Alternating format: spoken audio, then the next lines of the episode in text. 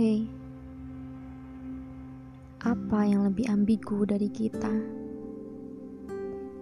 Saat kita ucapkan kalimat sayang atau cinta, benarkah kita sedang merasakannya?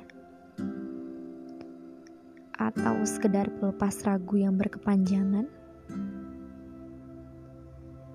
Dan apa yang terjadi saat cinta perlahan pudar? Entah itu karena rutinitas yang membosankan, atau karena hal baru yang lebih menyenangkan. Jika lelah lebih meraja, apa yang bisa dilakukan cinta sebagai hamba?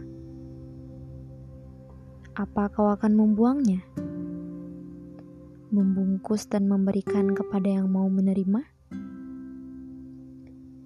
Lalu bagaimana dengan kenangan yang pernah dihadirkan rasa sayang?